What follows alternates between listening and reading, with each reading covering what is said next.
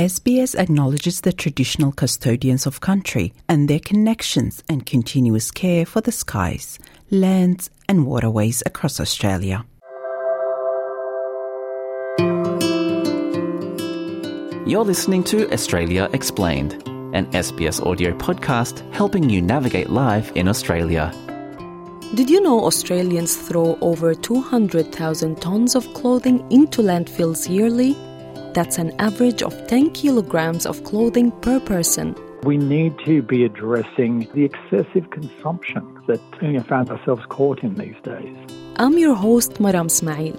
In today's episode, we discuss how can recycling, donating, or swapping our unwanted clothing help combat Australia's textile waste crisis. We don't want people to drop things at charity stores that really are unwearable or too worn or out of date because they then have to send them to landfill. The Australian Fashion Council reports that on average, we buy 56 new pieces of clothing annually. Fast fashion is cheap, disposable clothing produced rapidly by mass market retailers to keep up with the latest trends. This trend is designed to encourage customers to shop frequently for new looks, which means we buy more as they quickly become worn, damaged, or dull. It's up to us to dispose of our clothes responsibly. That means keeping it out of landfills and instead arranging for it to be reused or recycled. But Rebecca Gilling, Chief Executive Officer of Planet Ark, says your recycling bin is not the solution. The golden rule is not to put clothing, shoes, fabric, sheets, or towels, or any other textiles into your curbside recycling bin. And the reason for that is that the curbside bin is for paper and cardboard and packaging. The trouble with textiles going into the bin, apart from the fact that they can't be recycled through those systems, is that they get caught up in the recycling machinery and everything grinds to a halt. Fortunately, there are other alternatives. You can book a collection service online. For a fee, a business will take your unwanted clothing and arrange for it to be recycled or reused. Another option to consider is to donate unwanted clothing to charity. It costs nothing to drop your clothes off at a charity shop, otherwise known as an op shop, or place them in a charity bin in your shopping district. Op shops, formerly known as an opportunity shops across Australia, generate almost a billion dollars of income for those in need by selling donated clothing. However, Ms. Gilling says as good as our intentions are, we must be careful about what we donate. We don't want people to drop things at charity stores that really are unwearable or too worn or out of date because they then have to send them to landfill and that is a cost to them. Charity shops currently spend about $13 million a year disposing of unwanted clothing and items that are dropped off in their bins. And that's about 60,000 tonnes of materials that's going into landfill by, by that method. Omer Soker echoes this point. He is the CEO of Charitable Recycling Australia. Mr. Soker offers a simple test to determine what to send to a charity shop or clothing bin. It's really important that the donations are of good quality. The way to gauge this is if you wouldn't give it to a friend, uh, please don't give it to charity. We can't accept anything that's torn, stained, or broken.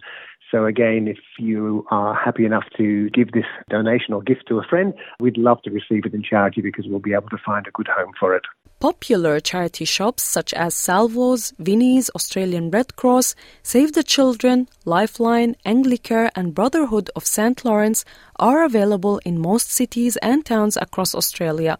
Mr. Soker says more shops are listed on the Charitable Recycling Australia website, along with some clothing waste facts. On the website, we also have a reuse impact calculator where you can type in the donations you're giving or the items you're buying, and it will show you your environmental impact in terms of carbon emissions saved or tonnages as well. So that's a great resource. You can also find the op shop nearest you through our op shop finder, which again is on our website, charitablerecycling.org.au. If your unwanted clothing doesn't pass the friend test for donation, the next option is to drop it off for recycling.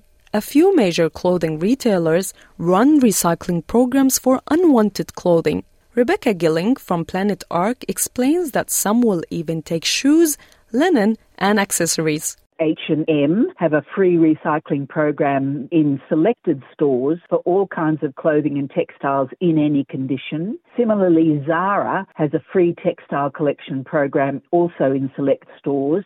Uniqlo has a free recycling program for their own branded clothing in any condition. And Patagonia has a trade in program for their own pre loved clothing where customers can return their worn out or damaged clothing for a store credit.